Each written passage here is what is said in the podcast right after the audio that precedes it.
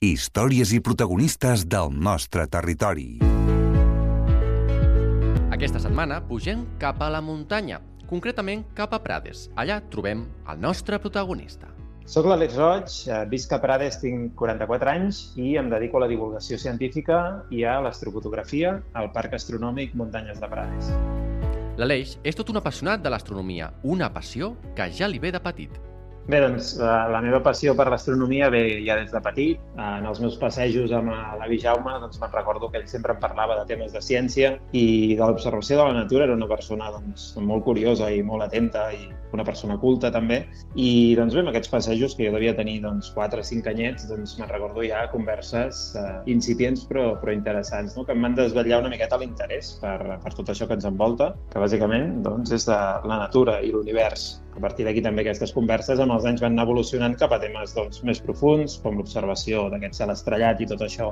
Va ser amb un regal de Reis, que em van portar doncs, un telescopi, i va ser l'avi Jaume que me'l va, que me va regalar. No sé si podem dir un telescopi, era el que ja coneixeu molts, potser, eh, aquesta generació dels anys 70 i 80 que ens van regalar aquests astronoves. L'astronova era una peça de plàstic i un vidre dins, eh? això li dèiem telescopi, i en tot cas eh, això va ser el catalitzador de la meva gran afició a l'astronomia. Doncs una passió que li va inculcar el seu avi i que va començar a proliferar amb aquest primer artilugi amb el que el petit Aleix va començar a explorar. Tal era l'afició i esma que fins i tot imaginava veure el que en realitat no era.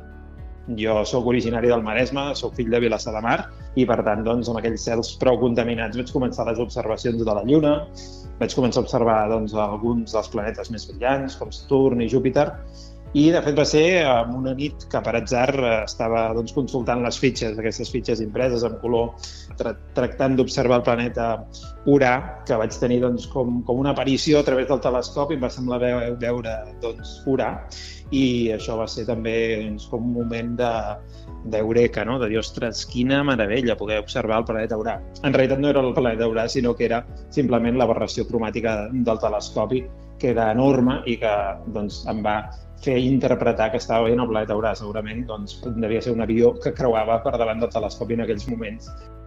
Amb tot plegat, va tenir clar a què volia dedicar-se i va decidir formar-se en la matèria, fins i tot, amb 14 anys, fer-se el seu propi telescopi. Vaig decidir doncs, ja aprofundir en l'àmbit de l'astronomia, em vaig fer soci de l'agrupació astronòmica de Sabadell, començar a fer els primers cursos d'astronomia, a interessar-me de com podria fer per tenir un telescopi més gran, no? I vaig repassar la biblioteca del centre i vaig veure que hi havia gent que es construïa el seu propi telescopi. Llavors vaig decidir, doncs, finalment, construir-me un telescopi. Hi havia un senyor doncs, que, que feia els miralls, els polia ell a mà, i li podies comprar doncs, aquestes petites peces i després tu, doncs, eh, amb una mica d'artesania, en aquest cas doncs, amb una tuberia de clavegaram, de PVC, doncs vaig, vaig poder-me fer, fer doncs, un telescopi de 26 centímetres. No? Als anys 90, un nen de 14-15 anys, doncs la veritat que era un instrument enorme amb el qual ja vaig poder observar doncs, amb molt més detall, per exemple, els anells de Saturn, la divisió de Cassini d'aquests anells, les llunes de Saturn, l'atmosfera de Júpiter. El nostre protagonista recorda i presumeix d'alguns fets que ell mateix va poder observar en els seus inicis. L'any 94 va haver-hi un impacte d'un uh, cometa sobre la superfície de Júpiter, el Schumacher-Levy. Això també ho vam poder observar i va ser una cosa meravellosa. No? Cap a l'any 96-97 doncs vam veure dos grans cometes, veien amb, amb bon detall, no? una taca de pols enorme en el cel. De fet, vaig poder fer la meva, meva primera fotografia d'aquests cometes amb una càmera analògica, també la meva introducció en l'àmbit de l'astrofotografia. No? I a partir d'aquí, amb els anys i l'aparició de la tecnologia digital, doncs he pogut anar avançant en l'àmbit de l'astrofotografia fins a dia d'avui, doncs, que tinc un observatori automatitzat a Prades on tinc diversos telescopis sota aquest observatori, ara mateix en tinc tres, que es poden controlar a través d'internet, que els controlo des de casa, que capturo imatges doncs, nit rere nit, algunes nits doncs, puc programar les seqüències i pots descansar, altres nits has d'estar de telescopi per reprogramar algunes, algunes seqüències. déu nhi quina fal·lera! D'un telescopi de joguina a fabricar-se el seu de propi i a tenir avui en dia tot un observatori que li fa perdre fins i tot la son si cal per no perdre detall del que passa al cel. Establint com la nostra residència i casa nostra, no? I ara ja doncs, vivim aquí feliçment i, i gaudim de les observacions des de casa i treballant d'això, justament al Parc Astronòmic Muntanyes de Prades. Així va materialitzar l'Aleix la seva passió per aquest camp i poder-lo seguir explorant. Però no únicament el cel, i és que l'Aleix ens explica que també és un enamorat de la natura, de l'entorn també per l'aventura i l'entorn natural. Soc una persona també molt esportista. Amb 18 anys ja em calçava la motxilla i m'anava a travessar els Andes. Realment el meu interès per la natura, per la muntanya, per tot el que és el contacte amb la bellesa aquesta que ens envolta, no? que és l'univers, en realitat, doncs ha, ha vingut des de petit. Eh? Jo me'n recordo també eh, en l'àmbit de la muntanya, doncs, amb 14 anys poder fer el cim de l'Aneto i en allà dir, ostres, això ho vull fer tota la vida, no? fer muntanya. I per tant, quan vam descobrir les muntanyes de Prades va ser un redescobriment perquè fèiem moltíssims anys que veníem a Prades doncs, a, a fer muntanya, també escalar i a les nits observàvem el cel. No? llavors va ser, ostres, realment aquí hi ha un cel doncs, destacable. No? Però què té exactament el cel de Prades? L'Aleix ens ho explica. Que com, com més elevat és aquest indret, doncs millor estabilitat de la imatge, que diem, el 5 és millor i per tant també fins i tot la transparència del cel, no?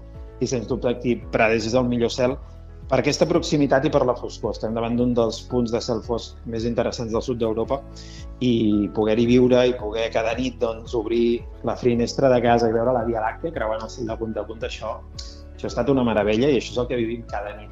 És un regal de la vida. Una de les instantànies del nostre protagonista ha tingut prou impacte. Ell mateix ens ho detalla.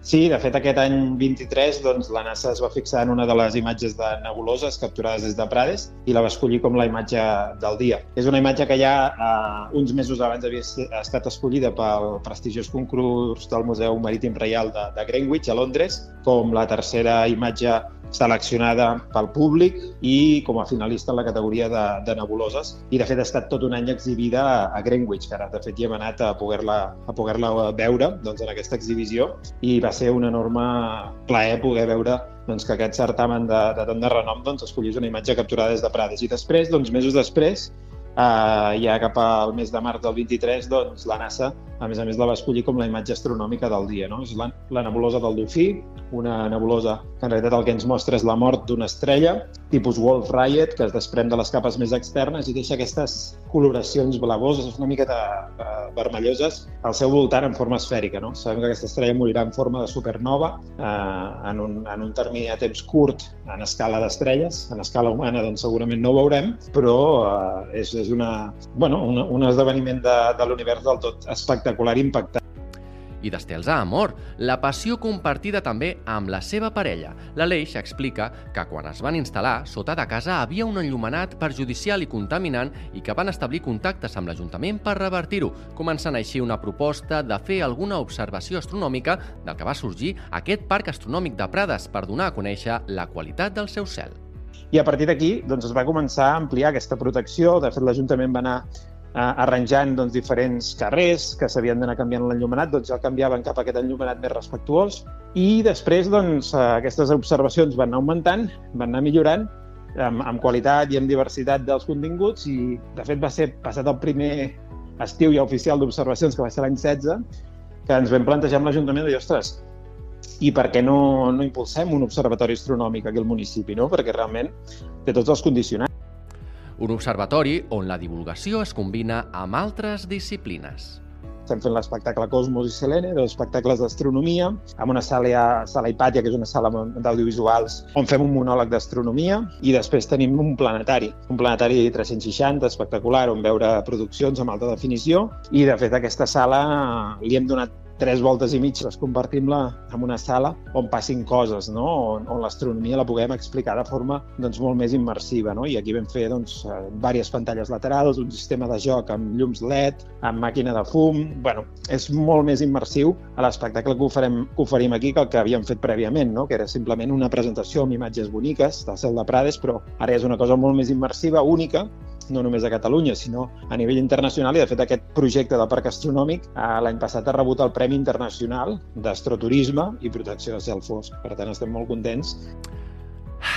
Ens podríem quedar escoltant i escoltant el nostre protagonista com ens explica apassionat aquesta afició feta realitat i ara compartida amb tot aquell que estigui interessat.